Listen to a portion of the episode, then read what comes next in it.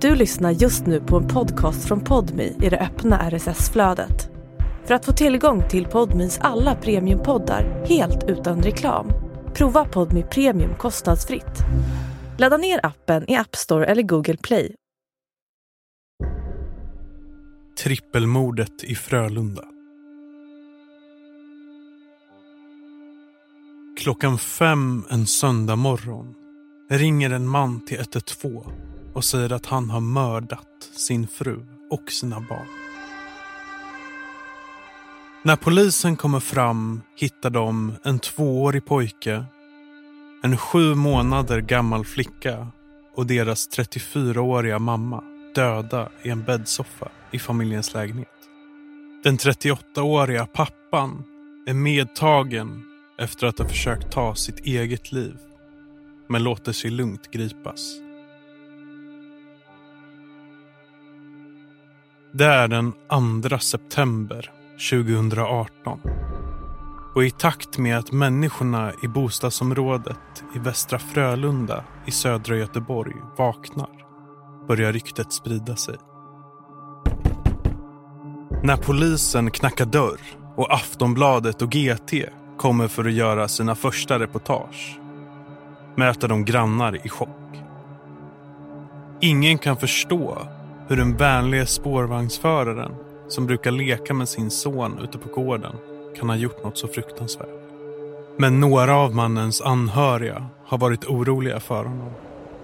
För det har funnits tecken på att han under flera år varit i psykisk obalans. Tecken som månaderna före mordet har blivit allt tydligare. Du lyssnar på Svenska mordhistorier med mig, Kristoffer Holmberg.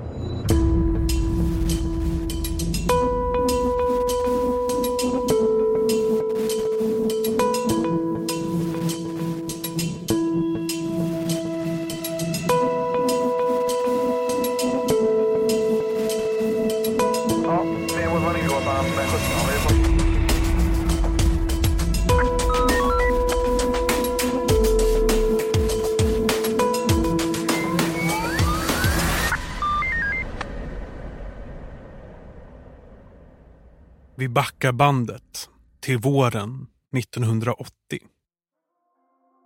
Då föds han som vi väljer att kalla för Adar i Bagdad. Saddam Hussein har precis kommit till makten och Adar växer upp i ett land präglat av krig. Från att han är några månader gammal och fram tills att han fyller åtta pågår Iran-Irak-kriget. Och när han är 11 år är det dags för nästa krig. Kuwaitkriget. Adar kommer senare berätta för en bekant om skräcken han kände när amerikanska bomber föll över ett kraftverk nära hans familjehem.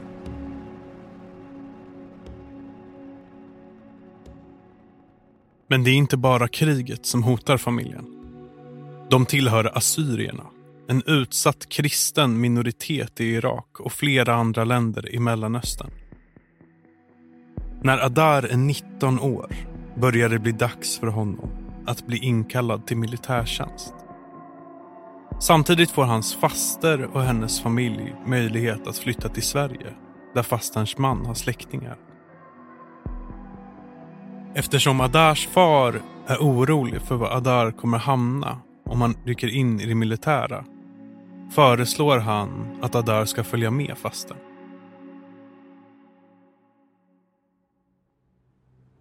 Så blir det och någon gång kring millennieskiftet bosätter sig Adar i Göteborg. Han börjar läsa svenska och får så småningom jobb på posten. Han har åtminstone fysiskt lämnat kriget bakom sig. Runt 2010 öppnar han tillsammans med sin farbror en närbutik i stadsdelen Majorna. Han är omtyckt av kunderna och detsamma gäller vänner och familjemedlemmar. Adar är alltid glad och vänlig och lätt att komma överens med. Men han är en betydligt mer komplex person än den lättsamma man omgivningen ser. Han berättar senare för polisen om hur det alltid har pågått en kamp i hans huvud mellan negativa och positiva tankar. De ger sig till känna som röster i huvudet. Och när de negativa tankarna hörs mest får han ångest och känner sig nedstämd. För att de positiva rösterna ska vinna kampen kämpar Adar för att vara en bra människa och göra goda gärningar.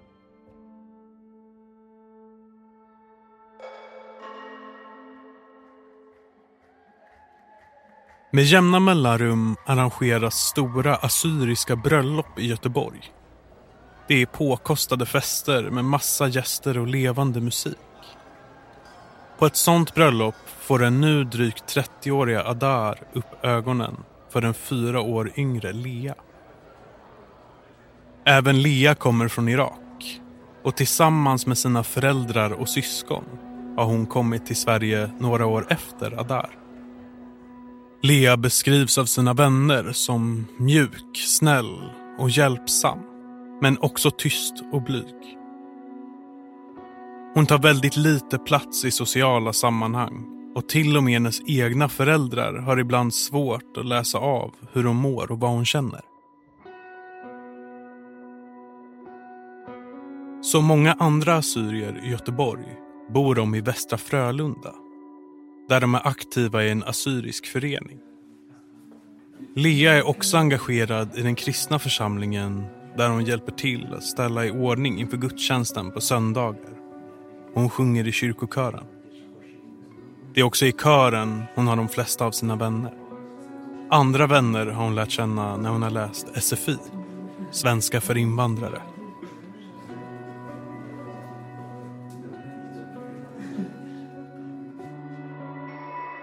Adars intresse för Lea visar sig vara ömsesidigt. Deras relation är lite trevande till en början. Bland annat är de rädda för skvaller bland sina många gemensamma bekanta. Men till slut blir de säkra på sina känslor, berättar öppet om sitt förhållande och förlovar sig. För Adar, som hela tiden kämpar för att de positiva Normally being a little extra can be a bit much. But when it comes to healthcare, it pays to be extra. And United Healthcare makes it easy with Health Protector Guard fixed indemnity insurance plans. Underwritten by Golden Rule Insurance Company, they supplement your primary plan, helping you manage out of pocket costs without the usual requirements and restrictions like deductibles and enrollment periods. So when it comes to covering your medical bills, you can feel good about being a little extra. Visit uh1.com to find the Health Protector Guard plan for you. Tankarna i hans huvud ska vinna kampen mot de negativa Ge förhållandet med Lea nytt hopp om framtiden. Inte långt innan han träffar henne var de mörka tankarna vid ett tillfälle så starka att han funderade på att ta sitt liv. Men nu känner han att allt en dag kan bli bra.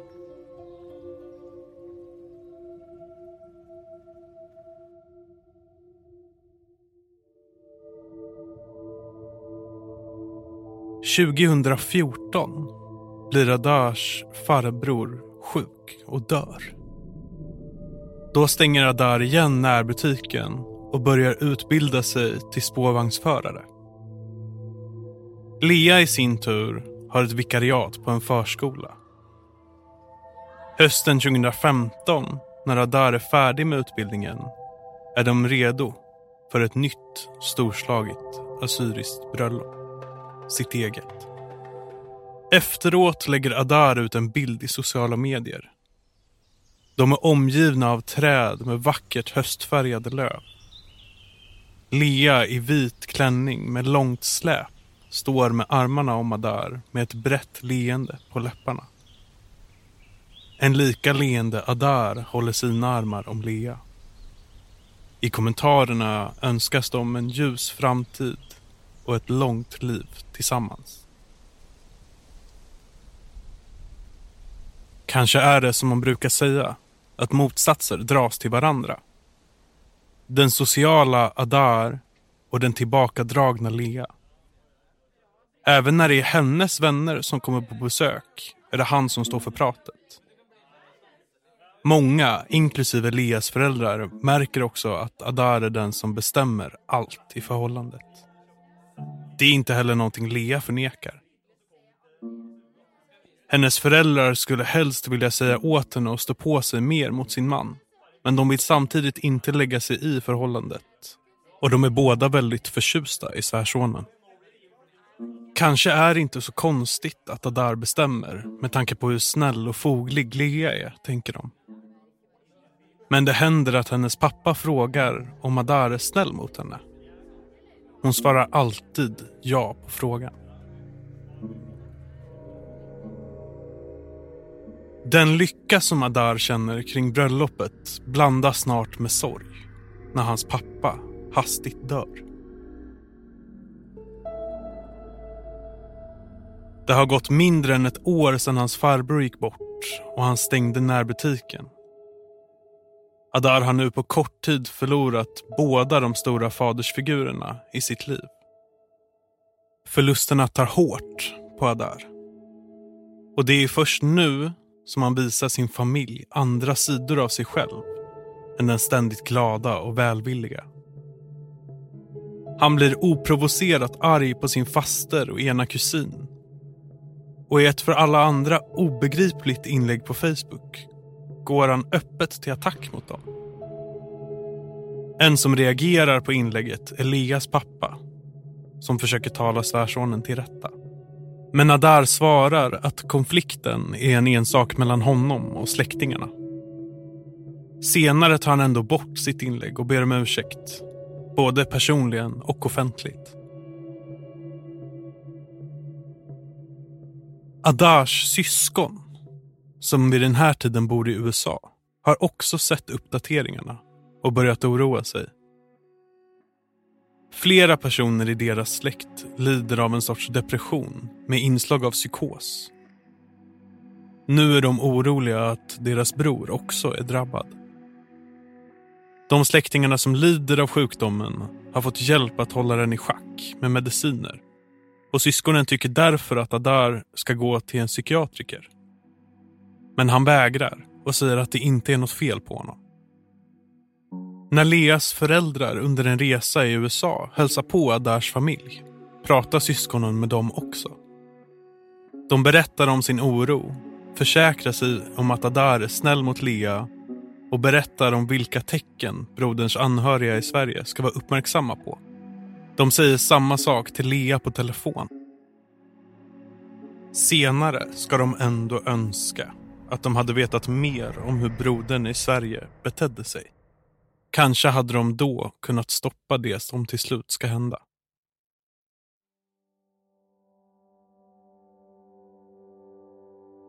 Hos Lea och Adar vänds sorgen från hans pappas död till glädje när sonen Lukas föds i september 2016. De är stolta föräldrar och Adar har läst på noga om föräldraskap för att kunna finnas där för sin fru och sin lille son. De flyttar in i en tvårumslägenhet med uteplats vid Smycketorget i Västra Frölunda. Snart väntar de barn igen och i slutet av januari 2018 föds dottern Adrienne. Även om de är glada för att ha fått två friska barn är det också jobbigt. Inte minst när bebisen skriker genom nätterna. Men Leas föräldrar och ena syster hjälper till att passa Lukas så mycket de kan. Och ibland när Adar är slutkörd efter att ha kört spårvagn på kvällen och legat sömnlös på natten tar Lea med sig barnen hem till föräldrarna och låter honom sova ut hemma dagen efter.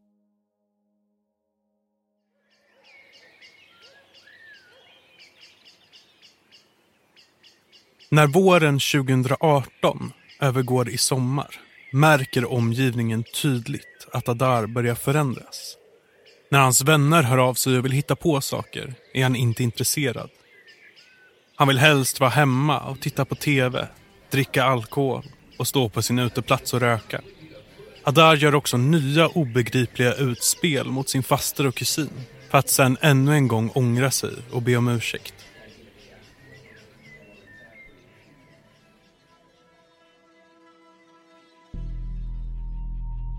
I juli 2018 får hans närmsta chef på Göteborgs spårvägar ett mycket underligt samtal. Det är Adar som ringer och berättar att han vill be om ursäkt. När hon frågar varför svarar han att han ibland har mörka tankar. Han vill inte utveckla saken mer än så. Men chefen svarar att hon förlåter honom. Efteråt tittar hon på sin kollega som har suttit bredvid och hört delar av samtalet. Hej, jag Ryan Reynolds. På Mint Mobile, we like to do the opposite of what Big Wireless does. They charge you a lot, we charge you a little. So naturally, when they announced they'd be raising their prices due to inflation, we decided to deflate our prices due to not hating you. That's right. We're cutting the price of Mint Unlimited from $30 a month to just $15 a month. Give it a try at mintmobile.com slash switch. $45 upfront for three months plus taxes and fees. Promo rate for new customers for limited time. Unlimited more than 40 gigabytes per month. Slows. Full terms at mintmobile.com. De är båda lika förvirrade. Chefen, som känner Adar som en skötsam och omtyckt spårvagnsförare bestämmer sig för att ta upp Adars mående på deras nästa regelbundna säkerhetssamtal. Sen släpper hon frågan. En och en halv månad senare kommer hon att få stor anledning att fundera över det där telefonsamtalet. Nu börjar Lea också för första gången beklaga sig för sina föräldrar och Madars beteende. Han svär när han umgås med sin son, trots att hon har sagt att hon inte tycker om det. Och han säger sig inte längre tro på Gud, vilket är ett betydligt mer kontroversiellt ställningstagande bland assyrier än medlemmar i den svenska kyrkan. Lea berättar för sina föräldrar att han istället förlöjligar hennes tro och säger att det är han som är Gud hemma hos dem. Nu är första gången hennes mamma på riktigt börjar oroa sig för dotterns situation. Hon pratar själv med Adar och uppmanar honom att be henne om hjälp om det är något hon kan göra för honom. Men han öppnar inte sitt hjärta för svärmodern. För hur skulle han berätta sanningen? Att de mörka tankarna under sommaren har börjat ta helt nya proportioner. Adar har nu blivit övertygad om att djävulen ska komma och döda hela familjen. Han har även börjat fundera på att han måste skiljas åt från den övriga familjen så att det slutar med en uppgörelse mellan bara honom och djävulen.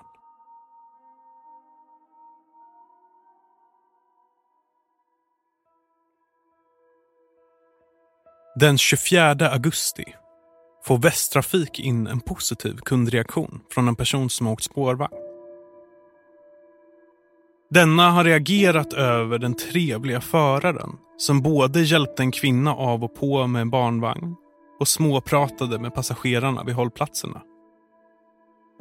Föraren som den nöjda resenären skickar med en hälsning till är Adar. Men för Adar själv verkar det inte längre räcka att han gör goda gärningar i vardagen som en del i kampen för att de positiva tankarna i hans huvud ska vinna över de negativa. De mörka tankarna har nu nästan helt tagit makten i hans huvud. Fem dagar senare har han precis kört spårvagn till Kortedala när en enorm trötthet kommer över honom. Han hör av sig till trafikledningen, berättar att han mår dåligt och ber att få bli avlöst. En timme senare har han kört tillbaka in till Nordstan där en annan förare tar över. Vad Adar inte vet är att han förmodligen aldrig kommer köra spårvagn igen. Efter det här är Adar sjukskriven i några dagar. Han försöker vila och promenera och till och med springa lite. Men Adar upplever fortfarande att djävulen vill honom något illa. Någon gång under de här dagarna kommer han fram till att han och Lea måste skiljas för att han ska kunna ta itu med den attackerande djävulen på egen hand.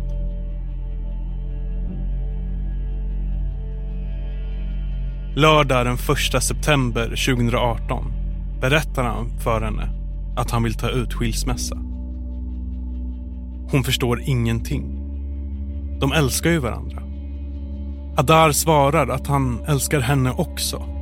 Men att det är en sak han måste reda ut. De kanske kan gifta sig igen längre fram, menar han. När Leas föräldrar senare kommer förbi möts de av Adar som har packat en stor svart resväska. Han berättar att han ska ut och resa, men han har inte bestämt sig för var.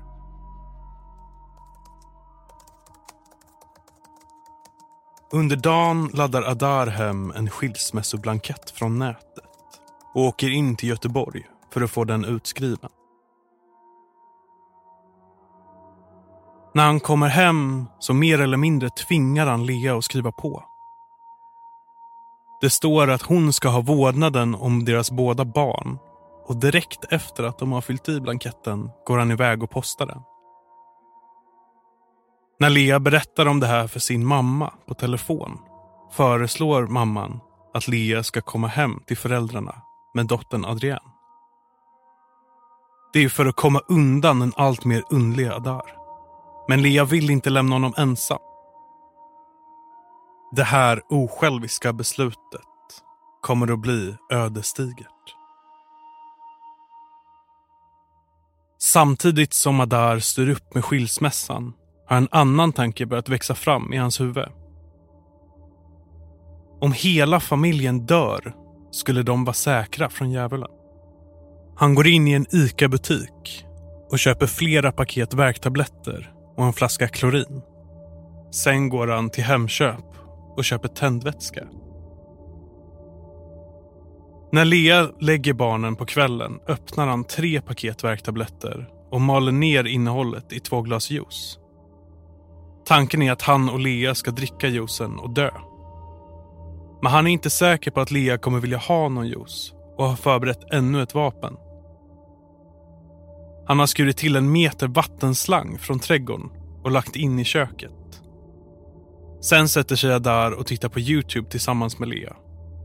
Strax före klockan 10 på kvällen den 1 september 2018 skickar Leas mamma ett sms till sin dotter för att fråga hur de mår. Lea svarar att det är bra. Det är sista kontakten de någonsin kommer ha med varandra.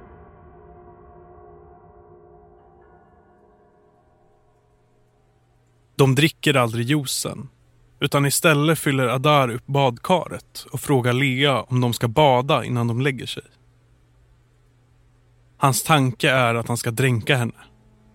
Men istället går de och lägger sig efter badet. Adar berättar senare för polisen att han har bestämt sig för att hämta barnen från sina sängar och lägga i hans och Leas bäddsoffa.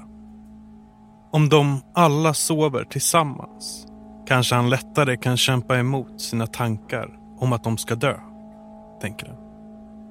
Men till sist kan han inte kämpa emot längre. Han kommer senare berätta i förhör att han nu känner det som att djävulen till slut har tagit honom.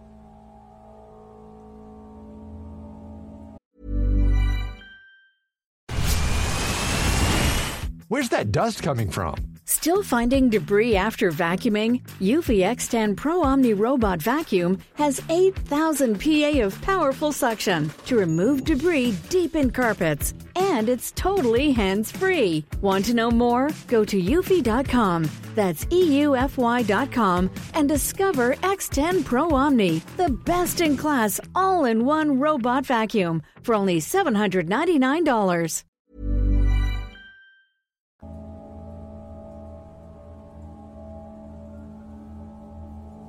Han säger till Lea att han ska byta blöjor på Adrienne och ta med sin sju månader gamla dotter in i badrummet. Där sänker han ner henne i badkaret som fortfarande är fyllt med vatten. Han håller hennes huvud under vattenytan tills han är säker på att hon inte lever längre. Han lämnar Adrienne kvar i vattnet och går tillbaka till vardagsrummet. Jag byter på Lukas också, säger han och lyfter upp den yrvakna pojken. Lea undrar var Adrienne är, men Adar svarar att han har koll på barnen. Lukas stretar emot, Men snart har Adar lyckats trycka ner även sonens huvud under vattnet. Adar har på bara några minuter tagit livet av båda sina barn. När han går ut till Lea igen har hon klivit upp ur bäddsoffan. Hon frågar oroligt vart barnen är. Och Adar ber henne sätta sig på soffkanten så ska han strax berätta. Innan hon har förstått vad som händer har han hunnit ut i köket och hämtat den avskurna trädgårdsslangen. Han säger att han älskar henne. Virar slangen runt hennes hals och drar åt. Lea gör motstånd, men efter en längre kamp har Adar till slut dödat även sin fru.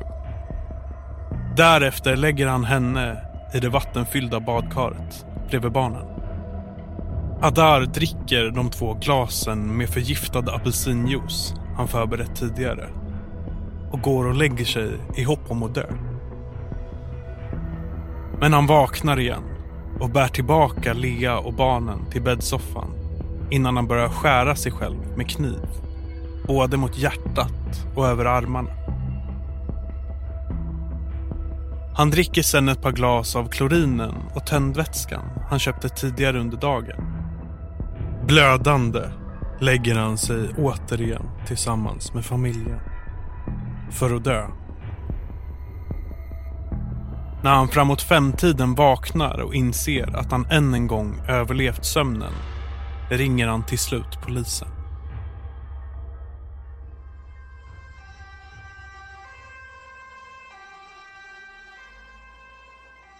Även för de rutinerade poliserna är synen av den pyjamasklädda Lea, Lukas och Adrienne som ligger döda i bäddsoffan en chockupplevelse som gör att de behöver stanna till och hämta andan innan de kan fortsätta sitt arbete. Polisen spärrar av lägenheten och senare kan man med hjälp av teknisk utredning komma fram till att Adars berättelse om hur han har gått tillväga sannolikt stämmer. När polisen griper Adar blöder han fortfarande kraftigt från handlederna och han körs till Salgrenska universitetssjukhuset för att sys. Senare kräks han på arresten av de vätskorna han har druckit under natten. I polisförhören berättar Adar detaljerat om morden. Han säger att han vill ta ansvar för det han har gjort och att han försöker tänka framåt. Att han hoppas kunna förbättras som människa av det han har varit med om.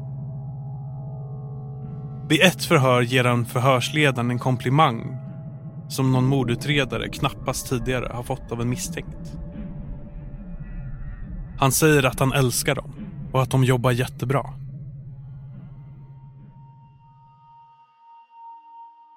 Adar genomgår en utredning som visar att han lider av en allvarlig psykisk störning. Och Göteborgs tingsrätt dömer honom därför i februari 2019 till rättspsykiatrisk vård för de tre morden. Leas familj, som lider svårt av den trippla förlusten, tilldöms skadestånd. Men de vill också ha Adar dömd till livstidsfängelse. Deras målsägande beträde pekar på att en domstol med synnerliga skäl kan döma till fängelse trots psykisk störning. Efter att Socialstyrelsens rättsliga råd kommit fram till samma sak som den rättspsykiatriska utredningen ställer sig hovrätten bakom tingsrättens dom. Att Adar ska dömas till rättspsykiatrisk vård snarare än fängelse. De anhöriga går ända upp till Högsta domstol, men utan framgång. I samband med att Adars rättspsykiatriska vård blir förlängd i april 2020 framgår det att han har en lång väg kvar på sin behandling. Läkarna och Adar har ännu inte börjat bearbeta det fruktansvärda han utsatte sin familj för. Men med insättningen av mediciner har man nu börjat komma till rätta med hans sjukdom. Det kan tyckas vara ödets ironi att det är först nu som han får den hjälp som hans syskon i USA ville att han skulle få redan två år tidigare. Nu när det värsta som kunde hända redan har hänt. Du har lyssnat på Svenska mordhistorier med mig, Kristoffer Holmberg. Manusförfattare är Per Johansson. Och producent Andreas Jamschere. Samtliga namn i det här avsnittet är fingerade. Källorna för avsnittet kan du läsa på podmi.com snedstreck svenska bindestreck mordhistorier. Svenska mordhistorier görs av podcastbolaget Creedcast exklusivt för Podmi.